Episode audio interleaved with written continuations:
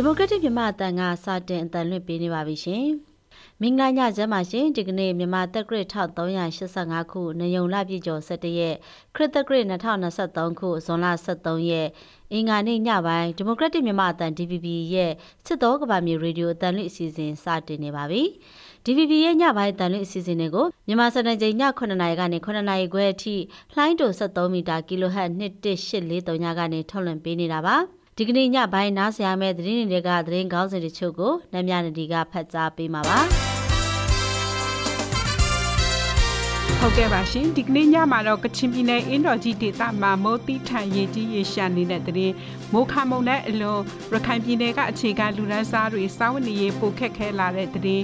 ပါကစ္စတန်နိုင်ငံမှာဆိုင်ကလုန်းမုန်တိုင်းဝင်ရောက်နိုင်လို့ကြိုတင်ပြင်ဆင်နေကြတဲ့တဲ့တွေကိုနားဆင်ရမှာပါ ဒီသတင်းတွေပြီးမှာတော့အင်းတွေအကုန်လုံးပြိုပါတော့လို့ကျွန်တော်တို့အိမ်မဆောက်ရသေးဘူးအိမ်မဆောက်ဆိုတော့ကျွန်တော်တို့တေခေါတေခေါနဲ့ယာယီဒါလည်းပဲရှာနေအဲမလုံးတလုံးကျွန်တော်တို့မို့မလုံးလေးမလုံးနေရတယ်အစောစားရဲရိုက်ခါတွေကလည်းကျွန်တော်တို့စီမရောက်သေးဘူးမုံတိုင်းတိရခိုင်ပြည်နယ်ကစစ်ဘေးရှောင်စခန်းတာဝန်ရှိသူတို့နဲ့ဆက်သွယ်မြင်းမြန်းချက်ကိုထုတ်လွှင့်ပေးဖို့ရှိပါတယ် ဒီကနေ့ဆောင်းမအစီအစဉ်မှာတော့ကဘာကြီးရဲ့တက်တန်းဟာနှစ်ပေါင်းတစ်ထောင်လောက်သာရှိတော်တယ်လို့ကွယ်လွန်သွားပြီဖြစ်တဲ့21ရာစုအကြီးကျယ်ဆုံးယူပပေရပညာရှင်စတီဗင်ဟော့ဖ်ကင်ကသူ့ရဲ့အမြင်ကိုမကုံမွတ်ပဲပြောခဲ့ပူပါတယ်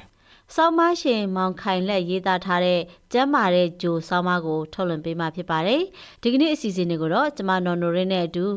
ကျမနမ်မြနဒီတို့ကတင်ဆက်ပေးသွားကြမှာပါရှင်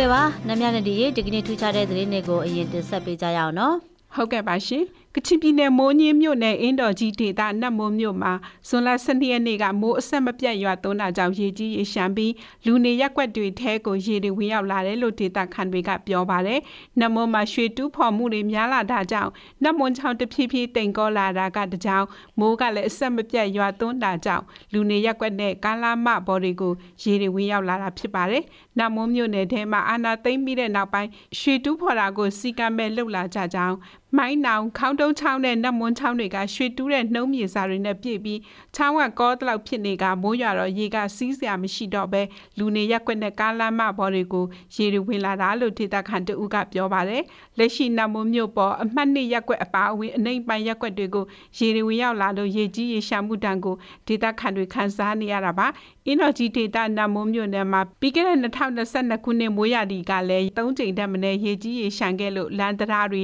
လူနေအိမ်နဲ့လေယာစိုက်ပျိုးသီးနှံတွေပျက်စီးဆုံးရှုံးခဲ့ပါတယ်။အရီဗီးယားပင်လယ်မှာဖြစ်ပေါ်နေတဲ့အားကောင်းတဲ့ဆိုင်ကလုန်းမုန်တိုင်းဘီဘိုက်ဂျွာဟိုင်အားကောင်းတဲ့ဆိုင်ကလုန်းမုန်တိုင်းအဆင့်နဲ့ပါကစ္စတန်နဲ့အိန္ဒိယနိုင်ငံတို့ရဲ့နေကြားကိုဖျက်ကျော်ဝင်ရောက်နိုင်တယ်လို့ NUG အစိုးရကထုတ်ပြန်ပါတယ်။အဆိုပါမုန်တိုင်းဟာအိန္ဒိယသမုဒ္ဒရာနဲ့ ဘင်္ဂလားပင်လယ်မှာမုတ်တုံလင်အင်အားကိုပုံမအားကောင်းလာစေဖို့တွန်းအားပေးနိုင်တယ်လို့လည်းဆိုပါတယ်။လာမယ့်သတင်းပတ်မှာမြမကယူရန်ဒေတာတွေမှာမုတ်တုံလင်ဆက်လက်အားကောင်းပြီးမိုးပုံရွာသွန်းလာနိုင်တယ်လို့ခုသတင်းပတ်မှာလည်းဘင်္ဂလားပင်လယ်အော်ရင်မုတ်တုံလင်အားကောင်းရာမှာအားအလွန်ကောင်းနိုင်တယ်လို့ကယူရန်ဒေတာနဲ့မြောက်ပိုင်းဒေတာမှာမိုးကြီးလာနိုင်ပြီးမြို့ပြနဲ့မြစ်ချောင်းတွေရေကြီးရေရှာနိုင်တဲ့ခြေရှိတယ်လို့အသိပေးကြေညာထားပါတယ်။ ကလေးသူငယ်တွေအပါအဝင်အင်အားပြင်းမိုခါဆိုင်ကလုန်းမုန်တိုင်းတင့်သူတွေကိုကူညီနိုင်ဖို့အမေရိကန်ဒေါ်လာ 238သန်းနီးပါးလိုအပ်နေတယ်လို့ကုလသမဂ္ဂကလေးများရပုံငွေအဖွဲ့ UNICEF ကပြောပါတယ်။မေလ14ရက်နေ့ကမြန်မာနိုင်ငံကိုဝင်ရောက်ခဲ့တဲ့မိုခါဆိုင်ကလုန်းမုန်တိုင်းရိုက်ခတ်မှုကြောင့်ရခိုင်ပြည်နယ်ချင်းပြည်နယ်မကွေးတိုင်းစကိုင်းတိုင်းနဲ့ကချင်ပြည်နယ်တို့မှာတော့နေအိမ်အဆောက်အုံတွေကျောင်းတွေစေးရုံစေးခန်းတွေအပါအဝင်လေယာမြေတွေနဲ့တရိษံတွေထိခိုက်ပျက်စီးဆုံးရှုံးပြီးတဲ့နောက်ခမန်းကြီးလူဦးရေ3.4တန်းလောက်ဟာအရေးပေါ်အကူအညီတွေအပြင်းထန်လိုအပ်နေတာပါကုလသမဂ္ဂလူသားချင်းစာနာမှုဆိုင်ရာပူးပေါင်းညှိနှိုင်းရေးမှုယုံ UNOCHA မြန်မာကတော့မိုခါမုံတိုင်းတန်ခံခဲ့ရတဲ့မြန်မာပြည်သူတွေကိုကူညီနိုင်ဖို့အတွက်လူသားချင်းစာနာမှုဆိုင်ရာမိဖက်ဖွဲ့စည်းတွေအနေနဲ့ American Dollar 333သန်းအရေးပေါ်ရန်ပုံငွေလိုအပ်နေတယ်လို့ထုတ်ပြန်ထားပါတယ်ရှင်။ဆိုင်ကလောမုံခါတိုက်ခတ်မှုကြောင့်ရခိုင်ပြည်နယ်အနှံ့ရှိရေရေးမြစ်400ထက်မနည်း ပင်လယ်ရေနဲ့ရွှွရေဝင်ရောက်မှုကြောင့်ညစ်ညမ်းပျက်စီးခဲ့ရပြီးဒေသခံတွေဟာအသက်ရှင်ရပ်တည်ဖို့တခြားရွေးချယ်စရာမရှိလို့ညစ်ပတ်နေတဲ့ရေတွေကိုတောက်သုံးနေကြရတယ်လို့ကုလသမဂ္ဂဖွံ့ဖြိုးရေးအစီအစဉ် UNDP ကကြေညာပါတယ်။ UNDP အနေနဲ့ရခိုင်ပြည်နယ်ကလူပေါင်း2500နီးပါးကိုတန့်ရှင်းတဲ့တောက်သုံးရေပံ့ပိုးကူညီဖို့ရေရွေးအသစ်တွေတူးပေးတာ တောက်ရည်ကန်တွေဆက်ယူတန့်ရှင်းရင်ပေးနေတယ်လို့ဆိုပါတယ်ဒေသခံတွေတန့်ရှင်းတဲ့ရေအစင်မပြတ်ရရှိနိုင်ဖို့ရေရှည်ဆောင်ရွက်သွားမယ်လို့လည်းကုလသမဂ္ဂကထုတ်ပြန်ပါတယ် မိုခါဆိုင်ကလုန်းမုန်တိုင်းတင်ပြည်သူတွေအတွက်တရုတ်နိုင်ငံအစိုးရကပေးအပ်လှူဒါန်းတဲ့ပထမအတုပ်လူသားချင်းစာနာမှုအကူအညီတွေဇွန်လ12ရက်နေ့ကရန်ကုန်ပြည်ပြည်ဆိုင်ရာလေဆိပ်ကိုပို့ဆောင်ရောက်ရှိလာတယ်လို့တရုတ်တန်ယုံကထုတ်ပြန်ပါတယ်။ထောက်ပံ့ရေးပစ္စည်းတွေထဲမှာခြေထောက်အလုံးရည်တထောင်စောင့်အထည်ရည်တထောင်ပါဝင်ပြီးနောက်ထပ်လည်းရေတန့်စင်ဆေးပြားစားတောက်ကုန်မီးဆက်ရေဆုပ်ဆက်တွေကိုလည်းမကြခင်ကာလတွေတွင်ရေချောင်းကနေပို့ဆောင်ပေးမယ်လို့ဆိုပါတယ်။ဒါအပြင်ပကံဒေတာကတဘာဝဘေးခံခဲ့ရတဲ့စီတီပထိုးတွေပြန်လည်ပြုပြင်မုံမှန်ရမှာအသုံးပြုဖို့တရုတ်နိုင်ငံအစိုးရကရွမ်ငွေတသန်းကိုလည်းလှူဒန်းထားပါတယ်ရှင်။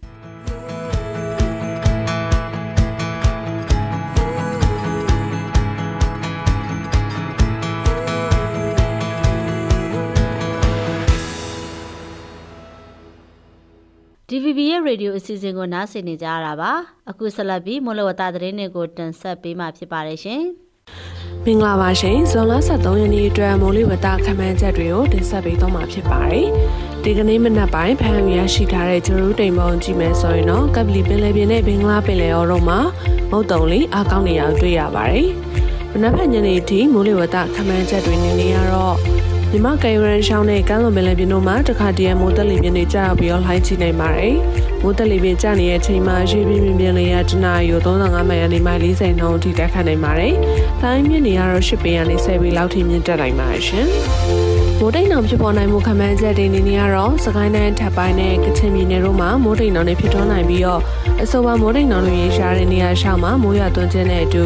လေပြင်းတိုက်ခတ်ခြင်းမိုးထိချုံခြင်းမိုးကြိုးပစ်ခြင်းလျှက်စည်းလက်ခြင်းနဲ့မိုးတိကျွေခြင်းစားတဲ့မိုးလေဝသဖြစ်စဉ်တွေဖြစ်ပေါ်နိုင်တဲ့အတွက်ကြောင့်ကြိုးတွေသတိပြုနေထိုင်ကြဖို့အတွက်အကြံပြုအပ်ပါရရှင်။မိုးရွာသွန်းနိုင်မှုခန့်မှန်းချက်တွေနေနေရတော့နေပြီးတော့စကိုင်းတိုင်းအောက်ပိုင်းမကွေးတိုင်းကယားပြည်နယ်တို့မှာနေရာကြီးကျဲ မန္တလေးတိုင်းပဲခူးတိုင်းရှမ်းပြည်နယ်နဲ့ချင်းပြည်နယ်တို့မှာနေရာစစ်စိတ်တပြည်နယ်နဲ့တိုင်းတွေမှာတော့နေရာအနှံ့အပြားမိုးထချောင်းလာနိုင်ပါတယ်။စကိုင်းတိုင်းအထက်ပိုင်းတနင်္သာရီတိုင်းကချင်ပြည်နယ်မွန်ပြည်နယ်တို့မှာနေရာကွက်ပြီးမိုးကြီးနိုင်တယ်လို့ခန့်မှန်းထားပါတယ်ရှင်။နေ့ပူချိန်ခန့်မှန်းချက်တွေကတော့အမြင့်ဆုံးပူချိန်အနေနဲ့မကွေးတိုင်းမှာ40ဒီဂရီစင်တီဂရိတ်ဝန်းကျင်လောက်ထိမြင့်တက်နိုင်ပါတယ်ရှင်။ ဆက်လက်ပြီးတော့နေပြီးတော့ရန်ကုန်မြို့နယ်မန္တလေးမြို့နယ်နေတဝိုင်မနက်ဖြန်ညနေထိခမန်းချက်တွေကတော့နေရာကွက်ကြားမိုးထစ်ချုံရနိုင်တယ်လို့ခမန်းထားပါရရှင်ကျေးဇူးများတင်ပါတယ်ရှင်မလို့ဝသားသတင်းတွေကိုနားဆင်ကြရတာပါတော်ရရှင်များရှင်အခုဆက်ပြီးသတင်းပေးပို့ချက်တွေကိုထုတ်လွှင့်ပေးတော့မှာမို့နမ်းမြနေဒီရေးပြပြပေးပါအောင်ဟုတ်ကဲ့ပါရှင် မုံတိုင်းတင်ရခိုင်ပြည်နယ်ကိုစစ်ကောင်စီရဲ့ခရီးသွားလာခွင့်ပြန်လည်ခွင့်ပြုထားတယ်ဆိုတဲ့ထုတ်ပြန်ချက်ကမရှင်းလင်းတဲ့အတွက်မြေပြင်မှာလှုပ်ဆောင်ရတာအခက်အခဲတွေရှိနေတုံးပဲလို့အရက်ဖက်အဖွဲ့တွေကပြောဆိုပါတယ်ဒီတည်င်းကိုတော့ဝေဝေပေးပို့ထားပါတယ်ရှင်ဇွန်လ10ရက်မှာစစ်ကောင်စီကရခိုင်ဒေသတွေကိုကူညီကယ်ဆယ်နေတဲ့ဘလို့အဖွဲ့အစည်းကိုမှခရီးသွားလာခွင့်မပြုတော့ဘူးလို့ထုတ်ပြန်ထားပြီးဇွန်လ17ရက်မှာတော့အရင်ခွင့်ပြုထားတဲ့ NGO တွေကိုဆက်လက်လှုပ်ဆောင်ခွင့်ပြုမယ်လို့ထပ်မံထုတ်ပြန်ထားတာပါ။ အခုလိုထုတ်ပြန်ချက်ကမရှင်းလင်းမရေရတဲ့အတွက်မြေပြင်မှာလှုပ်ဆောင်နေရတဲ့အခါအခက်အခဲတွေရှိနေတယ်လို့ကုညီကယ်ဆယ်ရေးတွေလှုပ်ဆောင်နေတဲ့အရက်ဘတ်ဖွဲ့တစ်ခုကပြောပါတယ်။ဟိုပေးတယ်ဆိုပေမဲ့လည်းဘယ်လိုပေးတာလဲပေါ့ကျွန်တော်တို့ကနော်။ဥပမာဟိုတပည့်တွင်းပေးတာလား၊သုံးရက်အတွင်းပေးတာလား၊ဒီနေ့တည်းဒီနေ့ပေးတာလား။ပေးတာကရောဘယ်နေရာကိုမပေးဘူးဘယ်နေရာပေးလို့ရှိတာရှိတာလား။နောက်ပေးလိုက်ပြီဆိုလို့ရှိရင်ဒီဟာကအာဒီလွယ်တဲ့နေရာတဲ့အကုန်လုံးမှာလှချဆိုင်ခွင့်ရပြီလားဒီလိုရှိချင်းလေးလွယ်တာပေါ့နော်။နော်ပေးတယ်ဆိုပေမဲ့လည်းဟိုပေးတဲ့ချိန်ကချင်းချောင်းမရှိနေသေးတယ်ရော အဲ့တော့ဒီပေါ်မှာလိုက်လို့ရတဲ့အဖွဲ့တွေကလေတော်တော်ကိုဟိုဘယ်ပြောမလဲအစီအစဉ်ရေးဆွေးရတာလုံငန်းအစီရေးဆွေးရတဲ့ကိစ္စမျိုးတွေနောက်ပြီးတော့မှဒီထောက်ပံ့ကူညီတဲ့ကိစ္စမျိုးတွေပဲတက်ပြီးတော့မှအစီအစဉ်ချားတဲ့ကိစ္စတွေတော်တော်ကိုခက်ခဲရှိတယ်ကျွန်တော်တို့ UN နဲ့တခြားမိဖက်နိုင်ငံတကာအဖွဲ့တွေကတော့စစ်ကောင်စီကိုခွင့်ပြုမိတ်တောင်းခံပြီးလှုံ့ဆော်နေတာတွေရှိပေမဲ့ဒေတာရင်အဖွဲ့တွေကတော့ခွင့်ပြုမိတ်တောင်းခံရတာကြာမှဆိုတဲ့အတွက်သက်ဆိုင်ရာကိုအကြောင်းကြားပြီးကုညီကယ်ဆယ်ရေးတွေလုပ်နေတယ်လို့ပြောပါတယ်။ ရခိုင်ပြည်နယ်ထဲမှာအရေးပေါ်တုံ့ပြန်ရေးကာလတလနီးပါးကြာလာချိန်မှာတော့ကုညီကယ်ဆယ်ရေးလုပ်ငန်းတွေက40ရာခိုင်နှုန်းလောက်သာလှုပ်ဆောင်နိုင်တယ်လို့သိရပါဗျ။အခုလိုအကူအညီများပြားလိုအပ်နေချိန်မှာကုညီထောက်ပံ့မှုတွေပို့လုပ်ပေးနိုင်မယ်နိုင်ငံတကာအဖွဲ့တွေကိုအဓိကထားခွင့်ပြုပေးဖို့လိုအပ်တယ်လို့ Wallet Foundation ရဲ့အမှုဆောင်ဒါရိုက်တာခိုင်ကောင်းဆန်းကတိုက်တွန်းပြောပါတယ်။တကယ်တမ်းကတော့ local NGO ပေါ့ local ဒေသခံအဖွဲ့တွေရဲ့လုံနိုင်တဲ့ပမာဏကတော်တော်နေပါတယ် ဒီလိုမူခတ်ကာလမှာဆိုရင်တော့နိုင်ငံတကာအဖွဲ့အစည်းတွေရဲ့ဟိုလောက်ကိုင်းနိုင်ဆိုတော့သူတို့ရဲ့ capacity ကပုံများတာပေါ့နော်ဥပမာ WFP လို့နောက် IDR တို့လို့တခြားသောအာနိုင်ငံတကာအဖွဲ့တွေကအဲသူတို့ရဲ့ဒီပံ့ပိုးမှုတွေဟိုကဟိုကဟိုကတိုင်းမှာဆိုသူတို့ရဲ့ပံ့ပိုးမှုတွေသူတို့ရဲ့ဒီမှုတွေကပုံများတာပေါ့နော်အဲ့တော့ဟိုပြောချင်တာကတော့တကယ်တမ်းပြောတော့ဒီ policy တွေကိုပဲတော်လာဖို့ဆိုရင် အဲကွန်ပျူတာလို့နိုင်ငံတကာအဖွဲ့အစည်းတွေကိုလည်း UN ပါဝင်ပေါ်လေအဲ့ဒီဖွဲ့တွေကိုလည်းတော်လာဖို့ကိုကွန်ပျူတာလိုအပ်တယ်လို့တော့ပြောချင်ပါတယ်ခင်ဗျတကယ်တမ်းကပြန်လဲထူထောင်ရေးအချိန်ကိုကြောက်ဖို့ကတော်တော်လေးကိုအချိန်လိုသေးတာပေါ့နော်ရခိုင်ပြည်နယ်အစိုးရပြောရေးဆိုခွင့်ရှိသူပြည်နယ်ဥပဒေချုပ်ဦးလာသိန်းကတော့ NGO တွေကယ်ဆယ်ရေးကူညီရေးတွေကိုတားဆီးပိတ်ပင်တာမဟုတ်ပဲသက်ဆိုင်ရာဒေသအာဏာပိုင်တွေကိုသိပေးဖို့လိုကြောင်း ကယ်ဆယ်ရေးပစ္စည်းတွေဆိုရင်တားမြစ်တာမရှိပဲပူးပေါင်းဆောင်ရွက်ပေးဖို့ကိုသူရဲ့လူမှုကွန်ရက်စာမျက်နှာမှာရေးသားဖော်ပြထားပါတယ်။လက်ရှိမှာ UN နဲ့မိဖက်အဖွဲ့အစည်းတွေရဲ့ဇာနရိတ်ခါထောက်ပံ့တွေကိုရခိုင်ပြည်နယ်ကလူဦးရေ3သိန်းလောက်ကိုထောက်ပံ့ပေးနိုင်ခဲ့ပြီးနောက်ထပ်မွန်တိုင်းတန်တင်လူ၈သိန်းလောက်ကိုလည်းအထောက်ပံ့ပေးနိုင်မှုကိုစီစဉ်ဆောင်ရွက်နေတယ်လို့ UNOCHA မြန်မာကထုတ်ပြန်ထားတာပါ။ ဒါအပြင်ရခိုင်ပြည်နယ်ကိုဝင်ရောက်ကူညီနိုင်ခွင့်အခက်အခဲကလက်ရှိလူသားချင်းစာနာမှုဆိုင်ရာတုံ့ပြန်ကူညီရေးလုပ်ငန်းတွေကိုဆက်လက်ဆောင်ရွက်နိုင်မှုထိခိုက်စေနိုင်တယ်လို့လည်းထုတ်ပြန်ကြမှာပါရှိပါတယ်။မိုးခမုန်တိုင်းအလွန်ရခိုင်ပြည်နယ်ကအခြေခံလူဒန်းစားတွေစားဝတ်နေရေးပိုပြီးခက်ခဲလာနေပါတယ်ဒီတည်င်းကိုလေးအိမ်ပေးပို့ထားတာပါမေလ14ရက်ကရခိုင်ပြည်နယ်ကိုဝင်ရောက်တိုက်ခတ်ခဲ့တဲ့မိုးကမွန်တိုင်းပြီးရခိုင်ပြည်နယ်ကအခြေခံလူဒန်းစားတွေဟာစားဝတ်နေရေးအတွက်ပိုပြီးခက်ခဲလာနေတယ်လို့ပြောဆိုထားကြပါတယ်။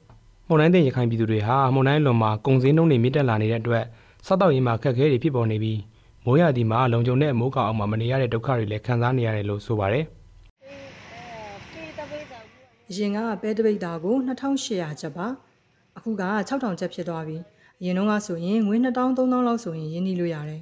အခုဆိုရင်9000ကျော်6000လောက်ထိကိုရင်းနှီးနေရတယ်အရင်ကတစ်နေ့ကိုငွေ1000လောက်အမျက်ရှိတယ် အခုချိန်မှာတော့ရင်းနှီးကအများပြီးတော့အမျက်ကတစ်ရက်ကို8000လောက်ပဲမြတ်တော့တယ်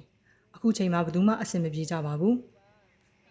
ရခိုင်ပြည်နယ်မြို့နယ်18ခုလုံးမှာမှုန်တိုင်းကြောင့်ထိခိုက်ပျက်စီးမှုတွေနဲ့ကြုံတွေ့ခဲ့ကြရတဲ့အတွက်စစ်ကောင်စီကရခိုင်ပြည်နယ်ကမြို့နယ်18ခုကိုတဘာဝဘေးရန်နဲ့ကြာရောက်တဲ့ဒေသတွေဖြစ်သတ်မှတ်ထားခဲ့ပါတယ်။လက်ရှိချိန်မှာနိုင်ငံတကာကကူညီထောက်ပံ့မှုတွေရခိုင်ပြည်သူတွေစီတိုက်ရိုက်မရောက်ရှိပဲစစ်ကောင်စီဘက်ကလည်းထိရောက်တဲ့ပြည်내ထူထောင်ရေးလုပ်ငန်းတွေလှုပ်ဆောင်တာမတွေ့ရသေးဘူးလို့ရခိုင်ပြည်သူတွေကပြောပါတယ်။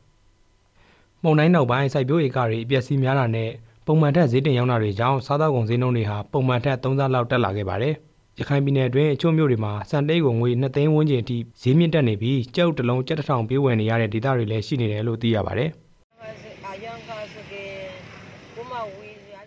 အရင်ကဆိုအရင်နေ့က၄သိန်း၅သိန်းလောက်နဲ့အလုံးလုံးနိုင်ပါတယ်။ကုန်စည်နှုန်းကတစ်နေ့ထက်တစ်နေ့မြင့်လာနေတယ်။ကုန်စည်နှုန်းတွေနည်းနည်းကျလာစေချင်ပါတယ်။မဟုတ်ရင်အရင်နေ့များပြီးအမျက်ကနည်းနေတယ်။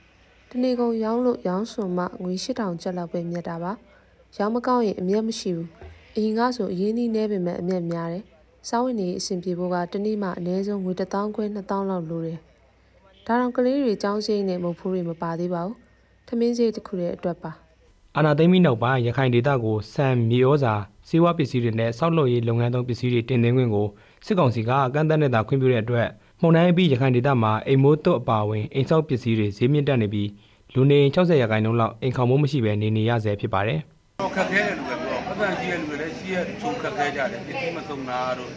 ပတ်သက်မရှိရလူကြလည်းပတ်သက်ကြောင်းကြောင်းကြောင်းခက်ခဲကြတာဘုဒ္ဓရင်ဟွာပေါ့ကိုဒီ နေ့နေ့လေဆိုရင်ပတ်သက်ရဖို့လုပ်လုပ်ကြတယ်ညာပိုင်းကျမှကိုယ်ရည်လေးကိုကြားပြီးတော့ကိုယ့်အောင်လုပ်ကြတယ်ပေါ့9နာရီခွဲ10နာရီထိပေါ့လေသူလေးကြိုက်တာမျိုးဟိုချောင်းလေးကြိုက်ဒီလိုလေးတစ်ချက်မိုးပေါ့ဒါမိုးလေးတော့ကျွန်တော်လည်းမြင်တွေ့ပါတယ်ကျွန်တော်ကြအိမ်ငါဆိုတော့အိမ်ရှင်ကလုံမပေးရတဲ့အတွက်ကျွန်တော်လည်းကိုယ်တိုင်ပတ်သက်ရှိတဲ့လုံလို့ကအဆင်မပြေဘူးမပြေတော့ကြမိုးရွာရင်တော့မိုးမလုံလို့မော်တုတ်ထိုင်ရတာအဲ့လိုလိုမိုးလုံတဲ့နေရာလေးသွားပြီးတော့ခွေးအေးရတာလို့ပေါ့ဒါကြလည်းအဆူနဲ့အေးရတာပေါ့လေ ရခိုင်ပြည်နယ်ကမှုန်တိုင်းနိုင်တဲ့ပြည်သူတွေကိုလူသားချင်းစာနာထောက်ထားမှုအကူအညီတွေပေးနေတဲ့ပြည်ရင်းပြည်ပအဖွဲ့တွေကိုစစ်ကောင်စီကဇွန်လ10ရက်မှာတွာလာခွင့်ပိတ်ပင်ခဲ့တဲ့အတွက်မှုန်တိုင်းတန်တဲ့ပြည်သူတွေနဲ့စစ်ပေးဆောင်တွေမှာလည်းစားတောက်နေရေးအတွက်စိုးရိမ်မှုတွေမြင့်တက်ခဲ့ကြပါတယ်။တွာလာခွင့်တားမြစ်ပြီးနောက်ဝေဖန်မှုတွေမြင့်တက်လာတဲ့အတွက်ဒီနေ့ဇွန်လ12ရက်မှာတော့ပြန်လည်ခွင့်ပြုပေးလိုက်ပြီးဖြစ်တယ်လို့စစ်ကောင်စီကပြန်လည်ကြေညာခဲ့ပါတယ်။ရခိုင်ပြည်နယ်မှာမိုးခေါင်မုန်တိုင်းကြောင့်တည်ဆုံးသူ146ယောက်နဲ့ဒဏ်ရာရရှိသူ10ယောက်ပျောက်ဆုံးသူ3ယောက်ရှိပြီး လူ1.2တန်းကျော်ထိထိခိုက်ခဲ့ကအကူအညီတွေလိုအပ်နေတယ်လို့ရခိုင်တပ်တော် AA ကမေလနောက်ဆုံးပတ်မှာထုတ်ပြန်ထားပါတယ်။မိုးခမုန်တိုင်းအပြီးမှာရခိုင်ပြည်နယ်ကအခြေခံလူဒန်းစားတွေစားဝင်နေရေးပုံမှုခက်ခဲလာတဲ့အကြောင်းကိုလင်းအိမ်သတင်းပေးပို့ခဲ့တာဖြစ်ပါတယ်ရှင်။မုတ်ခမုန်တိုင်းလိုရခိုင်ပြည်နယ်အခြေအနေတွေနဲ့ပတ်သက်ပြီးနောက်ဆုံးရသတင်းပေးပို့ချက်ကိုနားဆင်ကြရတာပါရှင်။ဘာဝဘေးသတင်းတွေပြန်လည်ထူထောင်ရေးနဲ့ကုညီကယ်ဆယ်ရေးနဲ့ဆိုင်တဲ့အကြောင်းအရာတွေကိုထုတ်လွှင့်ပေးနေတဲ့ ဒီမိုကရက်တစ်မြန်မာအသံ DVB ရဲ့ချစ်တော်ကဘာမြေရေဒီယိုအသံလွှင့်အထူးအစီအစဉ်ကိုစတင်ထုတ်လွှင့်ပေးနေပါပြီ။ဒီအစီအစဉ်ကိုမြန်မာစံတော်ချိန်ည9:00နာရီကနေ9:00နာရီခွဲအထိလိုင်းတူ73မီတာ kHz 11843ညကနေဖမ်းယူနားဆင်နေတဲ့အကြောင်းအတိပေးကြေညာအပ်ပါတယ်ခင်ဗျာ။သရရှင်များရှင်ဒီမိုကရက်တစ်မြန်မာအတန်ကဆက်လက်အတန်လွှင့်ပေးနေပါတယ်အခုဆက်လက်ပြီးတဘာဝပတ်ဝန်းကျင်နဲ့သက်ဆိုင်တဲ့နိုင်ငံတကာသတင်းတွေကိုကိုလေးအိမ်ကဆက်လက်ပြောပြပေးမှာပါရှင်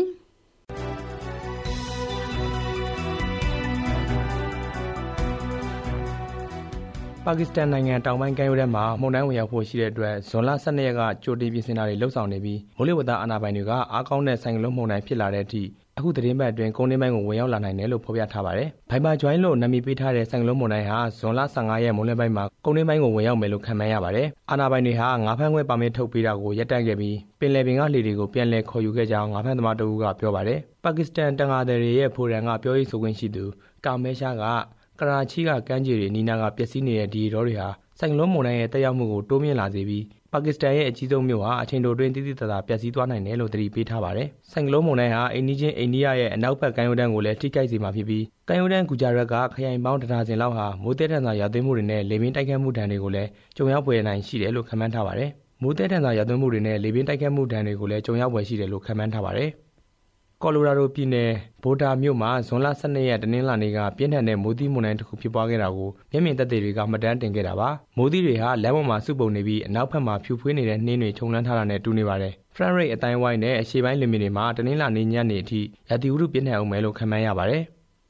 အမေရိကန်နိုင်ငံ နယူးယောက်မြို့နောက်ပိုင်းမှာ ဇွန်လ12ရက်က ကမ္ဘာလက်ခီးသွားလှေတစ်စီး တိမ်မောက်ခဲ့ပြီး လူတစ်ယောက်သေဆုံးပြီး ဒါဇင်နဲ့ချီတန်ရာရသွားတယ်လို့စင်ဝါသတင်းမှာ ဖော်ပြပါတယ် နယူးယောက်မြို့နိုင်ယာဂရာရေတံခွန်ရဲ့မိုင်20ကွာလော့ပေါ့ဦးမင်လှိုင်ကောင်းမှာကဘာလက်ခီးတဲ့28ယောက်နဲ့အိလန်းညွန်တယောက်လိုက်ပါလာတဲ့လှေဟာဟန်ချက်ပြက်ပြီးတိမ်းမောက်ခဲ့တာဖြစ်ပါတယ်။ကယ်ဆယ်ရေးသမားတွေလှေမောက်တဲ့နေရာကိုရောက်တဲ့အချိန်မှာလှေနားမှာဒဏ်ရာရတဲ့သူများပြားရှိနေပြီး16ယောက်ကိုကယ်တင်နိုင်ခဲ့ကအသက်60အရွယ်မျိုးသားတယောက်ကတော့လှေအောက်မှာပိတ်မိပြီးတေဆုံးခဲ့တယ်လို့လော့ပေါ့မီတက်ကြီးကဲလူကာကွာဂလီရာနိုကပြောပါတယ်။လူ40အထိဘေးကင်းစွာလိုက်နိုင်တဲ့လှေဟာပေ30ရှည်လျားပြီးကျင်းမြောင်းတဲ့လှိုင်ကောင်းကဖြတ်သွားတဲ့လမ်းကြောင်းမှာဟန်ချက်မညီပဲတိမ်းမောက်ခဲ့တာဖြစ်ပါတယ်။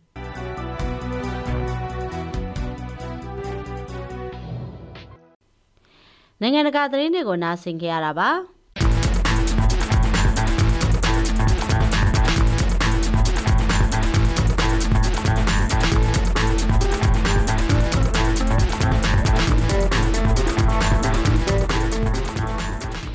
သရရှိများရှင် မောက်တုတ်ရသည့်အတွင်းရေလွှမ်းမှုမှုအနေရကနေကြိုတင်ကာကွယ်နိုင်ဖို့ရေကြီးရေရှမ်းမှုတွေကိုကြိုတင်ပြင်ဆင်ထားနိုင်ဖို့အတွက်ကမ္ဘာ့ကျန်းမာရေးအဖွဲ့ WHO ရဲ့အကြံပြုချက်တွေကိုထုတ်လွှင့်ပေးမှာဖြစ်ပါတယ်မြို့ပြတွေမှာရေကြီးရေရှမ်းမှုများအတွက်ဖော်ပြပါချက်တွေကိုပြင်ဆင်ထားသင့်ပါတယ်သက်ဆိုင်ရာတာဝန်ရှိသူများကအကြံပြုပါကမြေနေသောနေရာများတွင်နေထိုင်သူများကိုဘေးကင်းရာသို့ရွှေ့ပြောင်းပါ အဖိုးတန်ပစ္စည်းများကိုအိမ်ရှိအထက်မြင့်စင်ပေါ်တွင်ထားပါမိုးလေဝသခမန်းချက်နဲ့သတိပေးချက်များသို့မဟုတ်ဘေးလွတ်ရာရွှေ့ပြောင်းခြင်းဆိုင်ရာကြီးညာချက်များကိုအမြဲတမ်းရှိပါအမိုင်းနေပလတ်စတစ်ပစ္စည်းများကိုရေမြောင်းများတွင်မစွန့်ပစ်ပါနဲ့ဘေးလွတ်ရာသို့ထွက်ခွာစဉ်ဖော်ပြပါပစ္စည်းတွေကိုရေဆိုခံအိတ်များဖြင့်တည်ဆောင်သွားပါလက်နှိပ်တံမီ6တွေ့သောစားစာတောက်ရည်6တွေ့သောဝေစားများ ID ကတ်များအရေးကြီးသောစေဝါများ ရှေးဥတူနာပြုဆေးသစ်တာခိုင်ခန့်သောကြိုးများကရိုရင်းဆေးပြလိုအပ်သောရည်ကြီးစာရွက်စာတမ်းများရေလွှမ်းမှုအန္တရာယ်ကြိုတင်ကာကွယ်အကြံပြုချက်တွေကိုထုတ်လွှင့်ပေးခဲ့တာပါသရရှင်များရှင် DVB ရဲ့ချစ်တော်ကဘာမြေရေဒီယိုအတန်လွှင့်စီစဉ်ကိုနားဆင်နေကြရတာပါအခုဆက်လက်ပြီးဆက်သွယ်မြင်းမြတ်ချက်တစ်ပုဒ်ကိုထုတ်လွှင့်ပေးကြပါမယ် နိုင်ငံတကာနဲ့အရက်ဖက်အဖွဲ့အစည်းတွေအပါအဝင်လူမှုကယ်ဆယ်ရေးအဖွဲ့အားလုံးကိုရခိုင်ပြည်နယ်ထဲမှာတွာလာခွင့်ကိုစစ်ကောင်စီကပိတ်ပင်တဲ့အတွက်ဒေသခံတွေနဲ့စစ်ဘေးရှောင်တွေစာဝတ်နေရေးအခက်အခဲကြုံတွေ့နေရပါတယ်။ရခိုင်ပြည်နယ်ကစစ်ဘေးရှောင်တစ်ခုကတာဝန်ရှိသူတူကိုကိုတူရကဆက်သွယ်မြင်းမြန်းထားပါတယ်ရှင်။အာဟုတ်ကဲ့ဒီစစ်ကောင်စီကပေါ့နော်ဒီရခိုင်ပြည်ဘက်ကိုဒီမုန်တိုင်းတန်းပြည်သူတွေကို ဒီကုညီခွင့်တွေပိတ်လိုက်တယ်ပေါ့နော်ဒီနိုင်ငံတော်ဖွဲ့စည်းတဲ့အပေါ်မှာကုညီခွင့်တွေအကုန်လုံးပိတ်လိုက်လေဆိုတော့ကုညီခွင့်ပိတ်လိုက်တဲ့အပေါ်မှာနောက်ဆက်တွဲအခြေအနေတွေဘယ်လိုရှိလဲတော့ခိုင်းပြတဲ့အခက်အခဲတွေဘယ်လိုပုံစံမျိုးတွေကြုံနေရလဲဦးလေအဲကျွန်တော်တို့ကစေးစခန်းမှာတော့အခက်အခဲရှိတယ်ဒါမုန်တိုင်းပြီးမှကျွန်တော်တို့ဟာအင်းတွေအကုန်လုံးပြိုပါတော့လို့ကျွန်တော်တို့အိမ်မဆောက်ရသေးဘူးအိမ်မစားဆိုတော့ကျွန်တော်တို့တေးခေါတေးခေါနဲ့ယာယီဒါတစ်ပတ်ရှာနဲ့အဲမလုံးတလုံးကျွန်တော်တို့မို့မလုံးလေးမလုံးနေရတယ်အစား စားရရိုက်ခါတွေကလည်း ကျွန်တော်တို့စီမရောက်သေးဘူးအဲမရောက်သေးဘူးဆိုတော့ ကျွန်တော်တို့မှာ စားရတောက်ရလေးခက်ခဲရှိတယ်ကျွန်တော်တို့ကျွန်တော်နေရထိုင်ရလေးခက်ခဲရှိတယ် ICRC ကတော့ ကျွန်တော်တို့ကို အိမ်ဆောက်ပေးမယ်ဆိုပြီးတော့ ကျွန်တော်တို့ကိုဇင်းယူပြီးတော့ မကြာမီ အိမ်ဆောက်ပေးမယ်လို့ ကျွန်တော်တို့ဟို ပြောထားတာရှိတယ် ကျွန်တော်တို့အတိအကျဇင်းလေးယူတော့တယ် သူတို့မကြာရှင်မကြာခင်တော့ ရောက်မယ်လို့ ပြောတယ် သူတို့ ပြောပြောတော့ အဲ့ဒီပြောတဲ့အဲ ပြောတဲ့အထက်မှာ အခုလောလောဆယ်ဆယ် နိုင်ငံတကာ အကူအညီဒေသရေးနဲ့ လူမှုအဖွဲ့အစည်းအလုံးကိုစိတ်ကောင်းစီကတဆီပိတ်တယ်ဆိုတော့ ကျွန်တော်တို့စီကိုလည်း ရောက်ဖို့ခင်နေတော့ မရှိတော့ဘူးစိတ်ကတကယ်လို့စိတ်ကောင်းစီက ဖွင့်ပေးလိုက်တဲ့အချိန်ကြမှာရောက်မှာဆိုတော့ ကျွန်တော်တို့ဟာ အခုလောလောဆယ်ဆယ် နေရတာကဓမ္မနံပါတ်တိုင်းနေတဲ့စွာစားလေးမရှိဆိုတော့ ကျွန်တော်တို့တိကောက်တွေနဲ့ မလုံတလုံနေရတယ် ကျွန်တော်တို့မှတကယ်ခက်ခဲရှိတယ်ခင်ဗျ ဟုတ်ကဲ့ဟုတ်ကဲ့ လက်ရှိစာဝတ်နေရဲ့အကျက်တွေတွေကိုဘလို့ပုံစံမျိုးနဲ့ဖြစ်ချင်းနေကြရလို့ဘလို့ချင်းနေတယ်ရှိလေတယ်လက်ရှိအခြေအနေကိုဖြင်းဖြင်းတာကတော့ကျွန်တော်တို့ဟာကျွန်တော်တို့ကို WFP ကကျွန်တော်တို့ကိုဟိုပေးလာတာ9လပိုင်းကပေးလာတာဆန်တယောက်ကို30နဲ့9 9တိတ်တလားစာပေးပါပေးတယ်ခင်ဗျအဲ့ဒီတလားစာကိုကျွန်တော်တို့ စားသုံးရတယ် ကျွန်တော်တို့ဟာနေပြီးမြတ်မြတ်တာတာစားသုံးနေရတယ်ခင်ဗျအဲ WFP က ပေးတဲ့ဆန်တွေ ကုန်တော့ပြီဆိုလို့ရှိရင်တော့ ကျွန်တော်တို့ဟာစားရတော့ရကတော့အချက်တကယ်ဖိမှာပါအချက်တဖိတော့မကားသေးလို့ ကျွန်တော်တို့ဟာ အဟာချိုးတေးပြီးတော့ကျွန်တော်တို့အမျိုးမျိုး ပြင်ပက ဘေးဆိုးတယ်ကတ်ဆိုးတယ်အဲ့ဒီကတ်ဆိုးဆိုတဲ့နေရာမှာနေပြီးတော့ယောဂမျိုးမျိုးနဲ့ ကြုံတွေ့နေရမှာကို ကျွန်တော်တို့ စိုးရင်နေတယ်ခင်ဗျ ကျွန်တော်တို့မှနေပြီးကလေးသူငယ်လေးရှိတယ် လူအိုတုံနာရှိတယ် နောက်ပြီးတော့ မကျက်မာတဲ့လူတွေလည်း စခန်းတွေမှာ အများကြီးရှိတယ်ဆိုတော့ အဲ့ဒီလူတွေက ဟာရှိုးတင်မယ်ဆိုလို့ရှိရင်တော့ ကျွန်တော်တို့ကကျက်မာရေး အများကြီး ထိခိုက်နေတယ်ခင်ဗျ ဟုတ်ကဲ့ကက်တဲ့ပစ်ဆိုးမှုလေးတွေပို့ရောဟိုဦးလေးဒီစပီဆောင်တရားနဲ့ ရခိုင်ပြည်သူတူအနေနဲ့ဘလို့များဒီပြောရှင်လာတဲ့ရှိလေကျွန်တော်တို့စပီဆောင်တဲ့တကွာရခိုင်ရခိုင်သားတွေဟာ တကယ်အဓိကကတော့စပီဆောင်တွေပေါ့စပီဆောင်တွေဟာ တိုက်ပွဲနဲ့တိုက်ပွဲဖြစ်တော့လည်း ကျွန်တော်တို့ခက်ခဲပုံများများများစွာနဲ့ဆောင်နေရတယ် အဲ့ဒီကြားထဲမှာ အခုကေစီတွေကိုတောက်ရှိလိုက်တယ်ဆိုတော့ ကျွန်တော်တို့စပီဆောင်ဒုက္ခတွေစကန်တစ်ခုလုံးကို တိုင်းနေတာထကျွန်တော်တို့ တပြေလုံးကို တိုင်းနေတာနဲ့တူတူတယ်ခင်ဗျ။ဘာနဲ့တူလဲဆိုလို့ရှိရင် ဥပမာပြောရမယ်ဆိုလို့ရှိရင်ဟိုလူတယောက်က ယူထားတဲ့အရာဝတ္ထုတစ်ခုခုကို ပြန်ပေးရမှာကြောက်ပြီးတော့ အဲ့ဒီဝတ္ထုတစ်ခုခုကိုပြန်မပေးချင်လို့အဲ့ဒီလူကိုအသေးသေးလိုက်မှကောက်မယ်ဆိုပြီးတော့အဲ့ဒီပုံစံမျိုးနဲ့တိုင်းနေတာနဲ့အတူတူဖြစ်နေတယ်ခင်ဗျ။တပြေလုံးကိုကျွန်တော်တို့ကိုရန်သူသဘောမျိုးထားပြီးတော့တိုင်းနေတာနဲ့တူတယ်လို့ကျွန်တော်မြင်ပါတယ်ခင်ဗျ။ဆက်သွယ်မြင့်မြတ်ချက်ကိုနားဆင်ကြရတာပါ။ DVB Radio အစီအစဉ်တွေကိုနားဆင်နေကြတာပါအခုတစ်ခါမှာတော့အောက်ပေလေလူမှုဝန်းကျင်မဂ္ဂဇင်းမှာစောင်းမရှင်မောင်ခက်လိုက်ရေးသားထားတဲ့ ကျမ်းမာတဲ့ဂျိုစောင်းမဖြစ်ပါတယ်ကိုသူရကဖတ်ကြားပေးထားပါတယ်ရှင်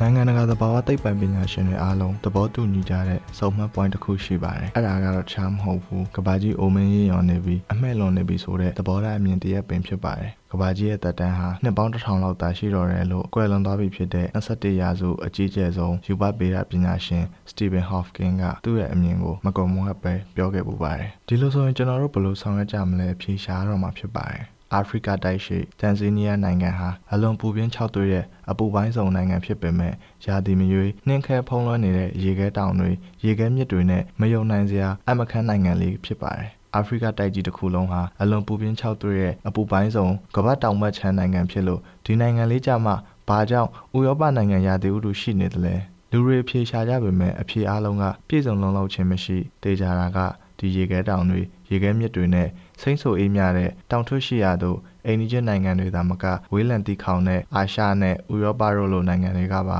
ဝင်လာမဆက်တသက်သက်ဖြစ်နေတဲ့တန်ဇီးနီးယားနိုင်ငံရဲ့ခရီးသွားလုပ်ငန်းဌာနတွေဝင်ငွေကောင်းပြီးအလောက်ကန်ခွင့်လန်းတွေပွင့်လင်းနေပါတယ်ဒီတောင်ထွတ်ဟာကီလီမန်ဂျီရိုဖြစ်ပြီး American ဒုသမရဟောင်းနဲ့တဘာဝပတ်ဝန်းကျင်သမားကြီးဖြစ်တဲ့ El Go ရဲ့ကမ္ဘာမြေကွန်ဆက်ပြပွဲကြီးမှာဒီတောင်ထွတ်အကြောင်းအတော်များများရိုက်ကူးတင်ပြခဲ့ပါတယ်။အစဉ်အမြဲစိမ့်ဆိုလန်းဆန်အေးမြနေတဲ့ကမ္ဘာလက်ခီးသွားတွေနဲ့ကြိတ်ကြိတ်တိုးနေခဲ့တဲ့ဒီဒေသဟာအခုအခါပူပြင်းခြောက်သွဲ့တဲ့တရွက်တွေရိုးတိုကြဲကြဲကြမ်းရတဲ့နှင်းမဖုံရေမခဲတော့တဲ့တခြားတခြားသောအာဖရိကနိုင်ငံတွေနဲ့မခြားမနာဖြစ်နေပါပြီ။ခီးသွွားလုပ်ငန်းတွေအားလုံးဒီပါရပ်ဆိုင်းသွားခဲ့ပြီးတိုင်းပြည်ရဲ့ဝင်ငွေမှာတုတ်တုတ်ထိကျဆင်းသွားပါတယ်။ တောင်တွေနှင်းမဖုံးတော့ဘူးရေခဲမြစ်တွေမစီးဆင်းတော့ဘူးစိမ့်ဆိုအေးများတဲ့ရာသီဥတုတို့မရှိကြတော့ဘူး။ဘာကြောင့်လဲ။ကဘာကြီးပူနွေးလာမှုကိုဆန်းစစ်အဖြေရှာဖို့နိုင်ငံပေါင်း23နိုင်ငံမှသိပ္ပံပညာရှင်ပေါင်း55ယောက်ကလူသူရောက်ပေါက်မရှိတဲ့အန်တာတိကတိုက်သို့3လကြာတွားရောက်လေ့လာခဲ့ကြပါတယ်။ရုရှားသုတေသနသင်္ဘောကလိုက်ပါပို့ဆောင်ခဲ့ပါတယ်။ရှေးရခင်ကလုံးဝလူသူရောက်ပေါက်မရှိခဲ့တဲ့ကျွန်းတချို့ကိုတွားရောက်ခဲ့ကြပါတယ်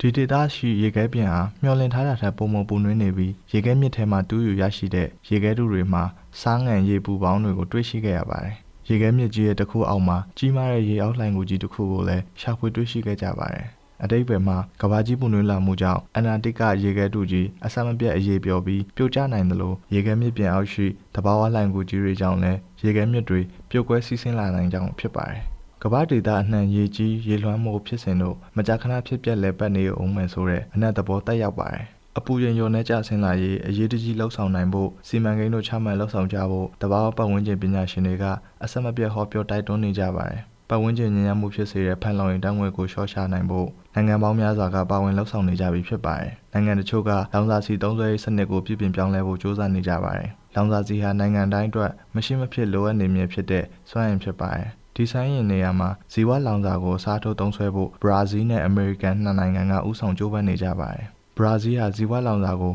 ပထမဆုံးထုတ်လုပ်သုံးစွဲတဲ့နိုင်ငံဖြစ်ပါတယ်။ဘရာဇီးမှာဓာတ်ဆီတီးတန်နဲ့မောင်းနေတဲ့မော်တော်ကားဆိုပြီးမရှိတော့ပါဘူး။အီသနောလေးပုံတစ်ပုံရောဆက်ထားတဲ့ဓာတ်ဆီနဲ့သာမောင်းနှင်ကြပါတယ်။2008ခုနှစ်ကအီသနောကီလိုမီတာ2000ခွဲကိုထုတ်လုပ်ခဲ့ပြီး15ရာခိုင်နှုန်းပြပသို့တင်ပို့ရောင်းချနိုင်ခဲ့ပါတယ်။ အမေရိကန်နဲ့ဘရာဇီးနှစ်နိုင်ငံဟာကမ္ဘာ့ဇီဝစွမ်းအင်ထုတ်လုပ်မှုရဲ့80ရာခိုင်နှုန်းကိုထုတ်လုပ်နေပါတယ်။နောက်ဆယ်စုနှစ်တခုအတွင်းအိန္ဒိယမှာဇီဝလောင်စာအသုံးပြုမှု15ရာခိုင်နှုန်းနဲ့တရုတ်က10ရာခိုင်နှုန်းတိုးတက်လာနိုင်တယ်လို့ခန့်မှန်းထားကြပါတယ်။2018ခုနှစ်အောက်တိုဘာလ10ရက်ကတောင်ကိုရီးယားနိုင်ငံဆိုးမြို့တော်မှာအစိုးရအဖွဲ့ဝင်ဝင်ကြီးတွေနဲ့သိပ္ပံပညာရှင်တို့တပတ်ကြာဆွေးနွေးခဲ့ပြီးအထူးသတင်းထုတ်ပြန်ချက်တရက်ကိုထုတ်ပြန်ကြေညာလိုက်ပါတယ်။ခေါင်းစဉ်ကအခုလောက်ပါလူအနာတွေရဲ့လို့ အကျယ်လောင်ဆုံးဟစ်ကြွေးလိုက်တာဖြစ်ပါတယ်။အရေးပေါ်ထုတ်ပြန်ချက်မှာကမ္ဘာအပူချိန်မြင့်တက်နေမှုကို1.5ဒီဂရီစင်တီဂရိတ်အောက်အခြေအနေမှာထိန်းသိမ်းထားရမယ်လို့အကြိမ်ကြိမ်သတိပေးထုတ်ပြန်ခဲ့ပေမဲ့အခုအခါကမ္ဘာအပူချိန်မှာ3ဒီဂရီစင်တီဂရိတ်သို့ဦးတည်နေပြီဖြစ်ပါတယ်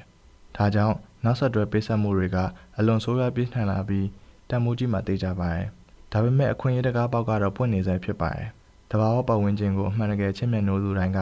ယနေ့မိမိတို့နေထိုင်ရာကဘာကြီးကိုမိမိတို့ဘိုးဘွားပြည်ပင်ထံမှအမွေဆက်ခံရတာမဟုတ်ပဲမိမိတို့ရဲ့မျိုးဆက်တစ်တန်တွေကနေခဏချင်းငါထားခြင်းသာဖြစ်တယ်ဆိုတဲ့သဘောထားအမြင်ရှိဖို့လိုအပ်တယ်လို့တဘာဝသိပ္ပံပညာရှင်ဂျွန်ရိန်ဦးတူပွန်ကဆိုထားပါတယ်။မကြာမြင့်မီအချိန်မှာမိမိတို့အသက်ရှင်နေထိုင်ရာကဘာကြိုကြီးကိုကိုယ့်ရဲ့သားသမီးမြေးမြစ်တွေထံပြန်လည်လွှဲပေါင်းပေးရခဲ့ရတော့မှသိကြနေပါတယ်။ဒီခါမှာအနာဂတ်မျိုးဆက်တွေအနေနဲ့ကျမ်းမာတဲ့ကြိုမှအကျိုးမြတ်အသီးပွင့်တွေပြပြဝဝရရှိခံစား권ရှိမှသာ မိမိတို့ရဲ့လူသားတာဝန်ကျေပွန်တယ်လို့မှတ်ယူနိုင်မှာဖြစ်ပါတယ်။နိုင်ငံတကာတဘာဝအရင်းမြစ်တွေကိုအတက်နိုင်ဆုံးကာကွယ်ပေးဖို့ဆိုတာကမ္ဘာသူကမ္ဘာသားတို့ရဲ့အရေးပင်ဖြစ်ပါတယ်။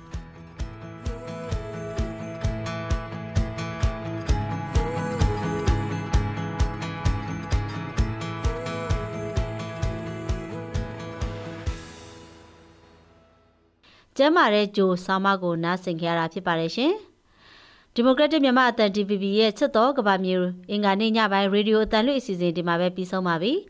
ဒီစီစဉ်တွေကိုမနေ့ဖြန်မှာလဲမြန်မာစံတော်ချိန်ည9နာရီကနေ9နာရီခွဲအထိလှိုင်းတို73မီတာကီလိုဟတ်11843ရကနေထုတ်လွှင့်ပေးအောင်မှာမို့စောင့်မျှော်နားဆင်နိုင်ပါတယ်။ DVB ရဲ့ချစ်တော်ကဘာမြေရေဒီယိုတယ်လွှင့်စီစဉ်ကိုအင်တာနက်စာမျက်နှာ www.burmese.tvb.no website Facebook YouTube နဲ့ DVB News Pocket Channel Spotify Apple နဲ့ Google တို့မှာလည်းစမတ်ဖုန်းကနေတဆင့်နားဆင်နိုင်တဲ့အကြောင်းလဲသတင်းကောင်းပတ်အပ်ပါတယ်။ဒီကနေ့အစီအစဉ်တွေကိုတော့ကျမနော်နိုရင်းနဲ့အတူနမ်းမြနေတီတို့ကတင်ဆက်ပေးခဲ့တာပါတော်ရရှင်ပေါင်းကျမ်းမာချမ်းသာကြပါစေ DVB ကိုနားဆင်တဲ့အတွက်လည်းအထူးပဲကျေးဇူးတင်ရှိပါတယ်ရှင်